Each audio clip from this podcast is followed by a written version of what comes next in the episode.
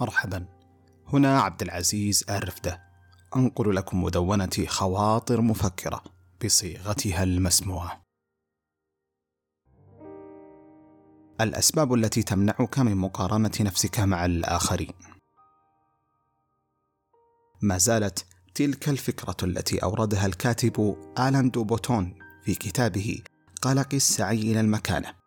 والذي تحدث من خلاله عن كيف أن الأقران يحسد بعضهم بعضا ما زالت عالقة في ذهني. ذلك لكي أكون أكثر تساهلا ومحبة مع ذاتي الخاصة حال المقارنة مع أحد ما. ولكبح جماح تلك المشاعر التي تنهشني وتستهلك كلا من طاقتي وتركيزي. حال المحاولة العبثية في تلك العملية المقارن من خلالها. فمثلا من ترعرع مع صديق أو قريب له في فترة زمنية معينة، هم من يبدأون في زراعة عملية مقارنة أنفسهم ببعضهم بعضا، وقد يغذي ذلك أحد أفراد العائلة أو المقربين، في حين لو كان هناك فارق زمني أو تراتبي كبير لا يأتي ذكر شخص مع الآخر. فكيف يحسد من رتبته العسكرية عريف ذلك الذي تبوأ منصب لواء مثلا. أما مقارنة الأفراد بالمشاهير ففي وسائل التواصل التي تظهر من خلفها مشهورا صار يعلن لمنتج معين وتسريب أرقام مبالغ تلك الإعلانات لأولئك المشاهير لاحقا. من يستقل طائرة ما في كرسي رجال الأعمال ويبدأ في التجول نحو تلك المدينة المكتظة بالسياح. ويعلن من شاشة جواله لمتابعيه بأن كل دقائقه وساعاته تنفجر بالبهجة والسرور. والتي بالتالي ستؤثر فيك أنت المتابع سواء كنت مهتما بتلك الجولة أو ذلك الإعلان الذي تحسب مدخولاته منذ تسريب أرقام إعلاناتهم. لتندب حظك ولتتساءل ما الذي ينقصني عنه. أينبغي أن أكون مجنونا وأكثر استعمالا لبرنامج سناب شات أو انستغرام لهدف أو غير هدف. لأراقب عداد أرقام المتابعين الذين أضيف لحساباتي. حتى وإن لم تختر أن تكون أحد المعجبين سوف يظهر لك بين الفينة والأخرى إما على الإكسبلور كأكثر ما تمت مشاهدته خلال ذلك الوقت أو في أن يشاركه أحد أصدقائك الذي ربما يريك ما شاهده للتو أو في أن يرسله لك. كي تبدأ في تلك العملية التي تتكرر لتقارن وللأسف حتى لو كان الفارق شاسعا ما بينك وبين ذلك المشهور كأن تتشجع لتقدم إجازتك السنوية وتسافر لأحد تلك البلدان التي أقام فيها أو تشتري ذلك المنتج الذي سوق له فتزيد من مدخوله رقما إضافيا يحسب له. أتحدث هنا عن صاحب المشاهدات المليونية أو حتى من كان رفيقا لك تعرفه أو زميلا أو قريبا أو حتى أخا لك يقوم بالتصوير فتحسده. فتشعر بتلك الرغبة الشديدة في أن تكون مكانه في تلك البقعة السعيدة التي منها يوثق سعادته العارمة بكل تفاصيلها. أحد أفضل العلاجات النفسية والوسائل التي تخفف عنك كل تلك المقارنات هي أن تكون أنت الذي يقارن به. فلا تراتبيه ولا مقارنة مع أحد آخر. لا يوجد هنا منافس غيرك وأعني بذلك سواك فقط. لا تحسد أحدا أن تكون في موضع قدمه. فما أدراك عن حياته الخاصة وعن مشاكله الشخصية أو العائلية. أتحدث حتى لو كان فردا تعرفه كأن تكون أنت وإياه في عمر واحد أو قرابة شديدة أو زميل عمل أو حتى من كان صديقا لك. حين تحشد كل ما تملك لأن تكون أنت المقارن الأول في كل شيء فستعود لذلك التوازن الداخلي والذي سيدلك على ما تحب كأن تتطور يوما بعد الآخر. ولكي تكون نسخة أفضل في غدك القادم. أن تزيد ما مقداره خطوة أو لبنة أو مثقال شعرة. تنظر لنفسك قبل سنة أو شهر أو حتى بالأمس القريب في أن تدرك بأن أيامك الكثيرة قد زرعت بالكثير من الأشجار والورود دون أن تعي. وكان ما يرعاها تعبك الشخصي المضني والذي سقي بعرق الجبين. لأن تصل وأنت تدرك ذاتك. عن ذلك الذي كان طفلا صغيرا وأصبح لاحقا رجلا يعتد به.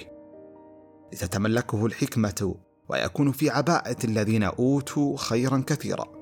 قال تعالى يؤتي الحكمة من يشاء ومن يؤت الحكمة فقد أوتي خيرا كثيرا وما يذكر إلا أولو الألباب. نحو تلك الطمأنينة الشديدة والإيمان الكبير والثقة المكتسبة كأن تغلق عينك وتدرك بأنك كتلك الطير التي تغدو خماصا وتعود بطانا. فعن عمر بن الخطاب رضي الله عنه أن رسول الله صلى الله عليه وسلم قال: لو أنكم توكلتم على الله حق توكله لرزقكم كما يرزق الطير تغدو خماصا وتروح بطانا. ولكن لنعد للحقيقة في ذاتنا.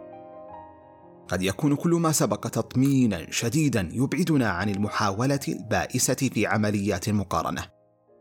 ووضع كمادة على موضع الجرح ليشفى والذي كان مرافقا لك ربما منذ صباك حتى تكبر. ولكن يمكنك أن تطمح لأن تكون في وضع أفضل ومكان أفضل. ذلك حين رؤيتك لأحد تبوأ مراتب النجاح واستطاع الوصول لما وصل إليه ولما تريد أنت بشدة أن تكونه في يوم من الأيام. فيكون محفزا شديدا لك كي تصل نحوه. كل هذه المقارنات هي غريزة بشرية طبيعية ولكن طبيعة تعاملك معها تحتاج لكثير من الحكمة ولأن تتعاطى معها بإيجابية أكبر. دون أن تعود في حلقة مفرغة من سيل المقارنات التي لا جدوى منها. في كتاب آخر للدكتور مصطفى محمود بعنوان من أسرار القرآن الكريم. يتطرق في فصلها الأول إلى فكرة الأضداد في كونها سنة كونية منذ بدء الخليقة بهبوط آدم وحواء من الجنة. قال تعالى فأزلهما الشيطان عنها فأخرجهما مما كان فيه وقلنا اهبطوا بعضكم لبعض عدو ولكم في الأرض مستقر ومتاع إلى حين وآية أخرى تبين لك أن من صلاح الأرض وعدم هيمنة قوة دون الأخرى في الكون هو وجود قوى مختلفة تتصارع فيما بينها وتنشغل مع بعضها بعضا. ليعيش آخرون ضعفاء اتخذوا صوامعهم ومعابدهم لذكر الله. قال تعالى: ولولا دفع الله الناس بعضهم ببعض لهدمت صوامع وبيع وصلوات ومساجد يذكر فيها اسم الله كثيرا. ها هي أمريكا بقوتها والتي تمتلك القنبلة الهيدروجينية وتتفاخر بقوتها الرأسمالية وعن ذلك الحلم الأمريكي في الحريات تقابلها روسيا ذات الطابع الشيوعي ويتطاحن معها جنبا إلى جنب المارد الصيني. ليتصارع الجميع ويبقى من هم بعيدون عن هذا الصراع متمسكين بأمل بالبقاء والعيش بهدوء. الأضداد خلقها الله لمعنى عظيم لتتماشى مع الكون في صورة دقيقة تعجيزية. فهو سبحانه وتعالى خلق القطن وخلق دودة القطن وخلق النبات وخلق الجراد. وخلق الأسنان وخلق تسوس الأسنان وخلق العين وخلق الرمد وخلق الحديد وخلق صدى الحديد. على الصعيد الرياضي ما الذي يعنيه تواجد البرغوث الأرجنتيني ميسي دون وجود الدون البرتغالي كريستيانو رونالدو؟ كيف أنهما الاثنان رفعا سقف أرقامهما العالية بدفع أحدهما الآخر نحو القمة؟ ان يتشاركا جائزة أفضل لاعب في العالم لأكثر من خمس عشرة سنة. هذه المنافسة الإيجابية من جعلتهما في القمة حتى وإن لم يعترفا بذلك شخصيا.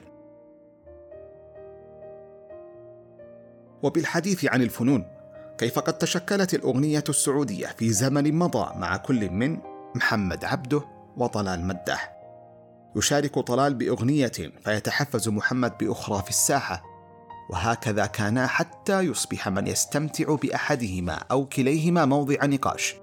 وذلك بقول انطلالي ولا من جماعة بنورة وعليها فقس. مثلا روجر فيدرر مع رفائيل نادال وبيل جيتس مع ستيف جوبز وليبرون جيمس مع كوبي براينت وجيف بيزوس مع مارك زكربيرغ وإيلون ماسك.